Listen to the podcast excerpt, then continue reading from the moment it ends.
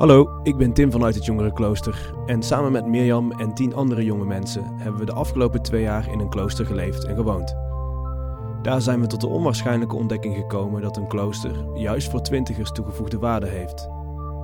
De stille structuur van de getijdengebeden en het leven in een vitale gemeenschap deden me groeien. Iedere kerstverse kloosterbewoner gaat door een periode van vorming en in het jongerenklooster zetten we daar één ochtend in de week voor apart. Dan gingen we in gesprek met monnik of non, maakten we de balans op en hielden elkaar een spiegel voor. In deze podcast nemen je mee in de verhalen van onze gemeenschap, de wonderenwereld van kloosters en hun eeuwenoude wijsheden. Welkom en leuk dat je luistert naar deze podcast Bronteksten van het Jongerenklooster. Waarin we samen gaan duiken in soms al eeuwenoude teksten uit de kloostertraditie om te kijken hoe deze voor onze generatie vandaag de dag relevant kunnen zijn.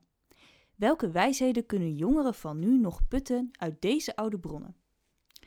Vaak zijn het bronnen waar grijze geleerden al heel erg veel dikke boeken over geschreven hebben, maar die boeken zijn niet altijd toegankelijk geschreven en ze liggen al helemaal niet in de gemiddelde dorpsbibliotheek. En ze maken ook niet altijd de slag naar de jonge mens van het jaar 2021. Dus dat proberen we te doen in deze podcast. Mijn naam is uh, Mirjam van het Jongerenklooster en voor vandaag heb ik gekozen voor het boekje The Cloud of Unknowing, oftewel De Wolk van Niet Weten. Geschreven in de late 14e eeuw, ze denken zo uh, rond 1380.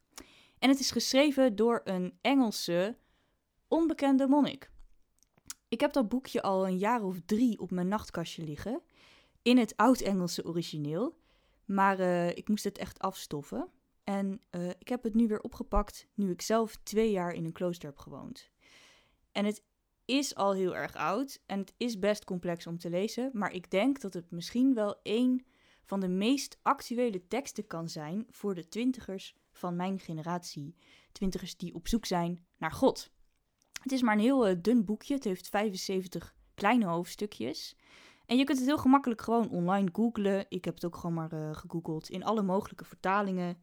Uh, ik had een Nederlands pdfje gevonden, maar je kan natuurlijk ook gewoon het oud-Engelse origineel lezen als dat nou je lievelingstaal is. Maar dat was bij mij niet het geval. Dus ik heb gewoon een, uh, een Nederlandse vertaling gegoogeld. En het leuke aan de wolk van niet weten vind ik um, dat het is geschreven door een anonieme monnik voor een 24-jarige novice. Dus iemand die net begonnen is aan het noviciaat, de proeftijd, um, ja, aan het begin van het proces van intreden in een klooster. En ik ben zelf ook 24, dus dat is uh, ja, heel herkenbaar ergens. Het is een, um, een heel liefdevol geschreven boekje waarin deze oudere anonieme monnik, die 24-jarige nieuwkomer, van wat advies probeert te voorzien. Ook wel praktisch en realistisch advies ook. Om iets heel erg groots te gaan ondernemen. Namelijk de volmaakte eenwording met God in de liefde. En welke monnik wil dat nou niet? Ja, voordat je nou aan dat boekje gaat beginnen, moet je eigenlijk wel weten in wat voor traditie dat boekje nou geschreven is. Um, nou, het stamt dus uit ongeveer 1380, Engeland. En dat is de tijd van de moderne mystiek in het christendom. Ja, wat is dan precies uh, mystiek? Mystiek dat draait heel kort door de bocht om dat wat boven het rationeel begrijpen met je verstand uitstijgt. Dus de mystieke traditie gaat ervan uit dat we God nooit volledig met het menselijke verstand kunnen begrijpen. Maar dan is de vraag natuurlijk, ja, wat kunnen we dan wel? En dan is het antwoord van die mystiek uh, dat we moeten streven naar een innige vereniging met God. Op een manier die dus boven ons verstand uitstijgt. Een, een transcendente vereniging noemen ze dat dan ook wel. Dus in die mystieke traditie ligt de nadruk ook veel meer op de, de ervaring van God dan op het nadenken over God. En daarom is in de mystiek ook die term contemplatio, dus het, contemplatief bidden, is dat een, een, sleutelbegrip. En dat is eigenlijk het, ja, het slechts zijn in Gods aanwezigheid, in Gods liefde. Dus zonder te denken en zonder ook om te proberen hem met woorden te vatten. Nou, die mystiek werd in de latere 14e eeuw echt hip en happening in Europa. Zo ook in Engeland. En in die traditie is dus dit boekje De Wolk van Niet Weten geschreven. Ook deze tekst draait in de kern om die ervaring van God die ons verstand overstijgt. Het is absoluut geen eenvoudige tekst, uh, dus de monnik zegt ook al in die eerste hoofdstukken van, uh, nou, uh, lees het boekje nou een paar keer um, en lees het ook alleen als je oprecht van plan bent om er iets mee te doen. Hij geeft ook een checklistje van mensen die het boekje niet mogen lezen, namelijk, ja, ik citeer, schreeuwers, vleiers, brompotten, zurpieten, muggenzifters of kletsmeiers. Nou, ik weet niet precies of ik daar dan onder val, maar ik heb wel geprobeerd om het boekje oprecht te lezen. Nou, in het boekje legt die monnik aan de 24-jarige novice uit dat het volmaakte streven naar God bestaat uit het bereiken van de wolk van niet weten. Je moet alles vergeten, inclusief ook jezelf, daar zal ik straks nog wel op terugkomen, om je alleen maar te richten op God. En dan ook echt op God om God zelf en niet om wat God doet. Ja, en wat bereik je dan als je dat probeert? Een wolk, een, een, ja, een fictieve wolk, een wolk van duisternis, duisternis als in niet weten. Want, zegt de monnik, in dit aardse leven zullen we God nooit helemaal kunnen aanschouwen. Dat beeld van zo'n wolk, dat komt ook uit de Bijbel. Bijvoorbeeld in Exodus 24 heb je dat verhaal dat Mozes de berg opgaat. En dan verschijnt God aan Mozes in een wolk. En in dit leven is het ervaren van God in zo'n wolk de enige manier om één te worden met God. Dus de monnik schrijft dan: Wees er zeker van dat je in dit leven nooit een onbewolkt zicht op God zult hebben. Maar je kunt je van zijn aanwezigheid bewust zijn door zijn genade. En dat diepe bewustzijn van die grote, liefdevolle God, dat is waar je naar moet, naar moet streven. Dus grijp God vast en zie hoe goed het je gaat, schrijft de monnik. God staat klaar als jij klaar staat en hij wacht al lang op jou. Maar dan zegt die 24-jarige uh, eh, nieuwkomer: Ja, maar hoe doe ik dat dan, dat vastgrijpen aan God? Nou, dat vastgrijpen, dat is waar de wolk van niet weten in wil adviseren. En als ik dat advies zou moeten samenvatten, dan zou dat zijn: kies radicaal voor je liefde voor God en neem daar je tijd voor. Want ja, hoe bereik je nou die wolk van niet weten, waarin je God op de meest volmaakte manier kunt ervaren? Dat bereik je dus door het denken over God te overstijgen. Dus dan zitten we echt diep in die mystieke traditie. Hè? Bijbelstudie en zo, dat is allemaal leuk, een leuk opstapje. Maar uiteindelijk zul je moeten stoppen met het denken over God. Want we kunnen God nooit helemaal begrijpen met ons verstand. Daar is die veel te groot voor. En wat overstijgt dan ons denken? Dat is dan de liefde echt de radicale liefde voor God, uh, ja, die dat denken overstijgt. En daarin mag je er ook op vertrouwen dat God jou als eerste heeft liefgehad. Dus op het moment dat jij er radicaal voor kiest om God echt lief te hebben, innig lief te hebben en daar ook je levenswerk van te maken, dan mag je ook vertrouwen dat God jou zal helpen uh, om dat vol te houden. Om in die wolk van niet weten te blijven, hoe hard de wereld om je heen ook aan je trekt. Nou, dan schrijft de monnik ook nog dat je uiteindelijk, om dat te bereiken, nog een tweede wolk, het wordt steeds uh, bewolkter, uh, moet plaatsen. Namelijk de wolk van vergeten. Dat is een wolk die je moet plaatsen tussen jou en de wereld. Dat, dat, ja, dat betekent dan niet dat je letterlijk alles en iedereen maar moet uh, vergeten en negeren en zo. Hè? Dat, dat, dat bedoelt hij niet. Maar het streven naar de wolk van niet weten, dus naar God, betekent dat je streeft naar iets wat je nooit kunt kennen. En om daar ruimte voor te maken, Ehm, bij jezelf moet je dus je denken en je, het je zorgen maken over alles. Uh, bijvoorbeeld over wat anderen wel niet uh, van je denken. Dat moet je allemaal onderdrukken. Ten behoeve van de liefde, om daar dus ruimte voor te maken. En dat is niet eenvoudig, waarschuwt de schrijver. Dat is heel zwaar. Maar het zal makkelijker worden naarmate je uh, eraan werkt, naarmate je toewijding ook groeit. Dus oftewel, geef dat proces tijd. En heel soms zegt de monnik, uh, ja, zal God je dan een straal geestelijk licht zenden, hartstikke mooi natuurlijk, die die wolk van het niet weten doorboort. Ja, en dan zal je hart ook in een gloed worden gezet door Gods liefde. Welke radicale keuzes jij daarvoor moet maken om je dus helemaal open te stellen voor die liefde, ja, dat kan de schrijver je dan niet precies vertellen, omdat dat een proces is dat in ieders leven heel anders gaat en dat God ook voor iedereen weer anders uitkristalliseert. Dat is ook het mooie aan het boekje. Uiteindelijk hangt alles af van God. Wij zijn maar kleine mensjes, we doen ons best om God te zoeken, we falen daarin jammerlijk soms, omdat we soms zo bang zijn om voor God te kiezen. En dat snapt deze 14e eeuwse anonieme monnik allemaal. Hij snapt ook wel dat anderen dan over je gaan kletsen en over je gaan roddelen als jij je zo radicaal gaat richten op God. Want je verlangt iets of iemand ja, die je nooit helemaal ziet of nooit helemaal kunt kennen. Maar, zegt de monnik dan tegen ons, als je de liefde ervaart, vertrouw er dan op dat God met jou aan het werk is. En misschien is dat wel de moeilijkste opdracht voor jonge mensen in deze tijd die die wolk van niet weten ons oplegt. Dat je moet loskomen van alles wat je over jezelf ook denkt en weet. Van alle positieve of negatieve verwachtingen die je bij jezelf hebt of over jezelf hebt.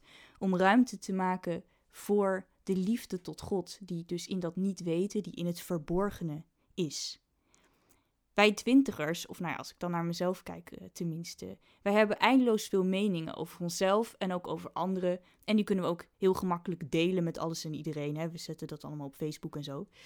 Maar eigenlijk zijn we allemaal onzeker. We twijfelen allemaal wel eens over wat we moeten doen met ons leven, vooral in die, ja, die eindeloze pool van mogelijkheden die we hebben. En misschien voel jij daar, net als ik, ook wel een bepaalde droefheid bij een, ja, een, een soort verdriet dat je het allemaal wel zou willen vergeten. Hè? Om, je, om je echt te kunnen richten op het enige dat ertoe doet in het leven, namelijk God. Uh, maar ja, dat, dat lijkt zo moeilijk. Dat lijkt totaal onbereikbaar soms. En precies die droefheid, die omschrijft de monnik ook in De Wolk van Niet Weten, bijna 700 jaar geleden. Want, schrijft hij, je bent droevig omdat je nog niet bij God bent. En dat is een mooie droefheid, omdat het een puur verlangen naar God is. Een verlangen dat jouw ziel kan helpen in het, in het onophoudelijk naar hem streven. Het is een beetje, denk ik, die, uh, dat liedje, die hit uh, van The Verve, die uh, Bittersweet Symphony. Ja, daar, daar lijkt het denk ik wel een beetje op.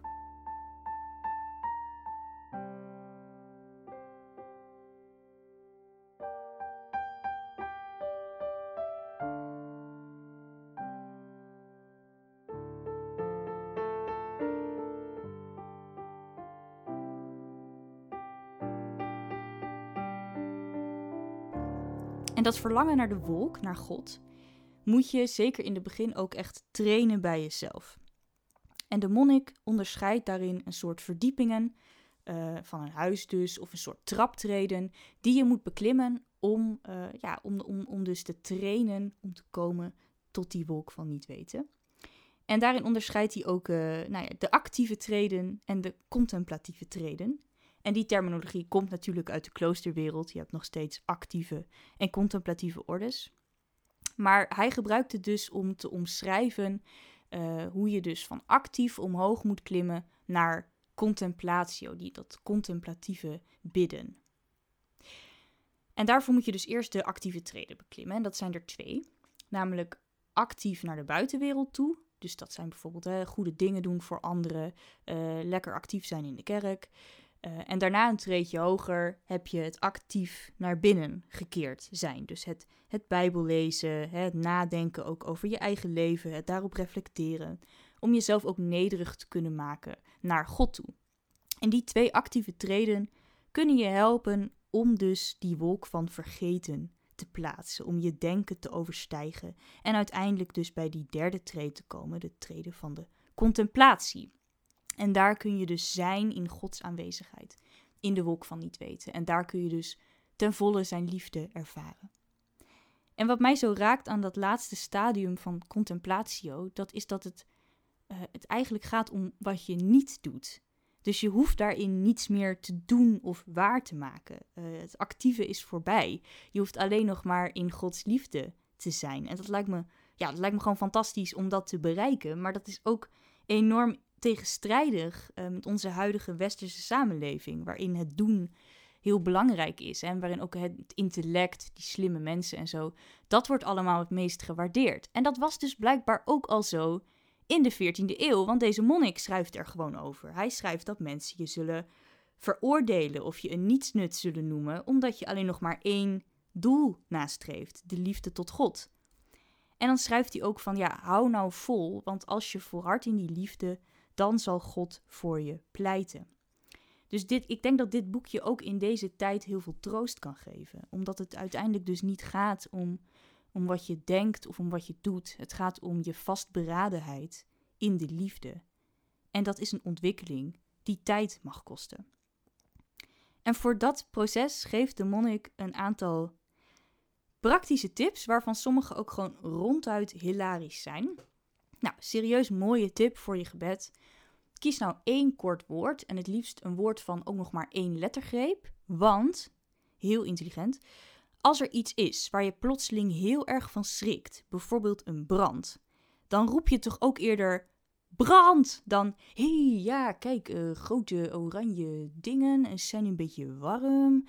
Hmm, wat zou het kunnen zijn? Oh wacht er is brand ja dat, dat doe je niet. Je, je roept gewoon brand. Je wil mensen waarschuwen. Uh, en uiteraard zegt de monnik ook hè, denk ook niet te veel over dat woord. Na kies dus iets wat spontaan in jou opwelt.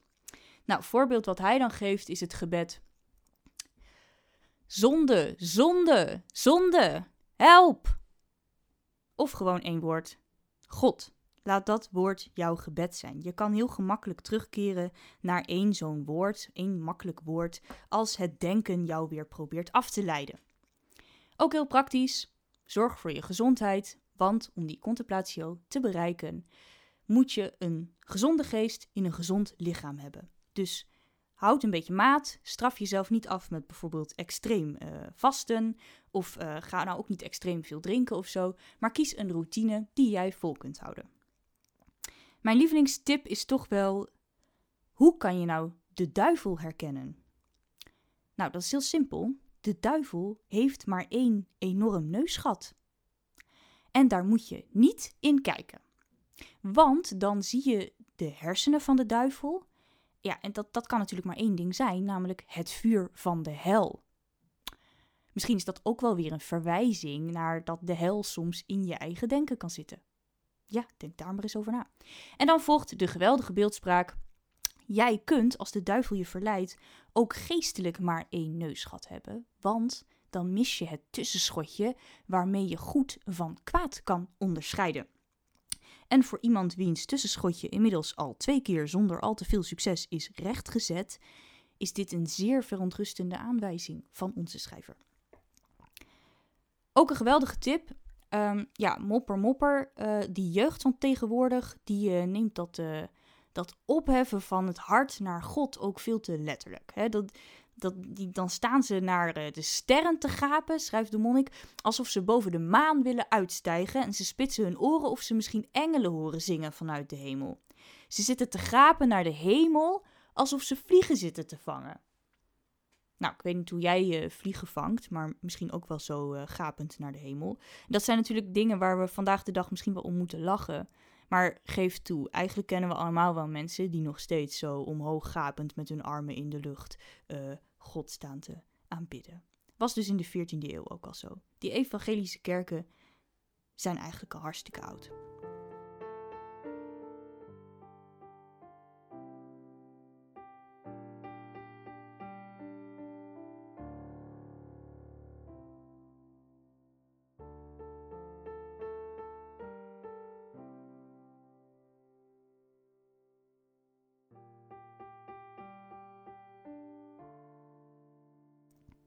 Dan nog even over dat uh, niet te hard zijn voor jezelf en je tijd nemen. Dat opklimmen naar de volmaakte liefde tot God, dat gaat niet van de een op andere dag. Daar is deze schrijver heel realistisch in. En hij geeft dan ook regelmatig geruststellingen. Ga niet te snel, eis niet te veel van jezelf, oefen nou langzaam, oordeel niet over jezelf als het nog niet zo goed lukt. Het is nou eenmaal een hele lange en niet zo gemakkelijke weg. Hoe graag je ook dat eindpunt, hè, die wolk van niet weten, zou willen bereiken. En ook dat is blijkbaar iets van alle tijden, want ik herken het bij mezelf ook. Ik wil ook heel vaak heel snel vooruitkomen in het leven. En ik kan dan ook heel boos worden op mezelf, als dat dan niet allemaal gelijk lukt. En dan leert het klooster dus, je mag je tijd nemen. Kies nou één doel En wees niet bang om daar radicaal al je tijd aan te besteden. Wees niet bang om er lang over te doen. De schrijver van de wolk is er heel duidelijk over. Die schrijft namelijk: hè, te snel gaan, dat is de kortste weg om totaal waanzinnig te worden. Dus je kan maar beter je tijd nemen. En dan eindigt hij in het laatste hoofdstuk ook nog met dat, dat God, als jij het probeert en het niet lukt, uh, hè, en het verflauwt allemaal weer een beetje in je leven, hè, en je, het lukt weer niet om je stille tijd elke dag te nemen. als dat dan dus even het geval is, als het even niet lukt, God ziet jouw verlangen en God zal dat, die motivatie ook weer bij je terugbrengen, als jij echt radicaal voor Hem wilt kiezen. Ook misschien leuk om nog te eindigen met een soort van uh, een disclaimer. Uh, ik was het boekje aan het lezen en toen kwam ik erachter dat er in het laatste hoofdstuk staat dat je uh, um, dus alleen maar mag lezen als je er echt iets mee wilt doen. Maar je mag het boek aan niemand laten zien en je mag er ook niet uit voorlezen. Tenzij je denkt dat degene die luistert er echt mee aan de slag wil. En als je dat dan doet, als je eruit voorleest, als je erover vertelt, zoals dat ik nu doe, moet je erop aandringen dat de luisteraars ook echt het boek gaan lezen. De monnik dacht vast niet aan een 21ste eeuwse podcast, maar ik zal het toch maar even doen. Lees de wolk van niet weten. Lees het oprecht en lees het een paar keer. Misschien zijn we ook niet allemaal geroepen om monnik of non te worden. Of om een groot deel van onze dag nou te besteden aan hè, meditatief bidden of contemplatie. Maar ik denk dat de wolk van niet weten daar in de kern niet over gaat. Het gaat over het radicaal kiezen voor de liefde. En radicaal kiezen om je open te stellen voor de liefde van God. En afscheid te nemen van alles wat jou daarvan weerhoudt. Om ja, met je hoofd en, en, je, en je hart dus ook in die wolken te durven lopen. En hoe kan jij je daar nou in trainen? En vergeet daarin ook het advies van deze monnik niet. Ga niet te snel. Leg jezelf niet te veel in één keer op. Kies één doel en probeer daarin te volharden. En dat is in deze totaal krankzinnige 21ste eeuw een heel gewaagd advies, maar ik zou je toch willen uitdagen om het eens te proberen. En vertrouw er dan dus ook op dat God jou te hulp zal komen. Nou, leuk dat je luisterde. Ik hoop dat je iets aan deze podcast hebt gehad. Wil je er nou iets over kwijt? Of heb jij ook nog zo'n stoffig boekje op je kast liggen waar je graag een keer mij of iemand anders over hoort vertellen? Stuur ons dan een mailtje naar welkom.jongerenklooster.nl of reageer via Instagram of Facebook. Oh, en nog een leuke bonus tip.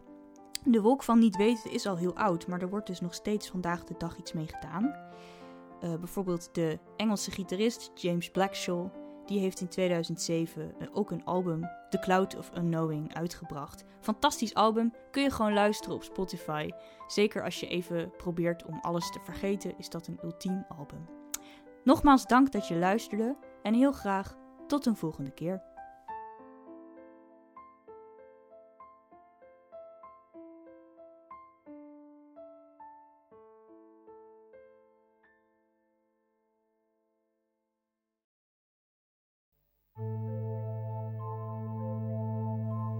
Dank voor het luisteren naar deze aflevering van de Jongerenklooster podcast. Volgende week duiken we de diepte in van de eeuwigheid. Iedere aspirant religieus legt voordat hij zich voor eeuwig aan een kloostergemeenschap verbindt en intreedt een gelofte af.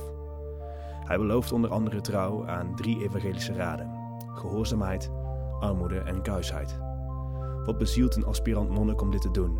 En wat kunnen twintigers in het moderne leven met deze drie geloften? We zien jullie graag volgende week.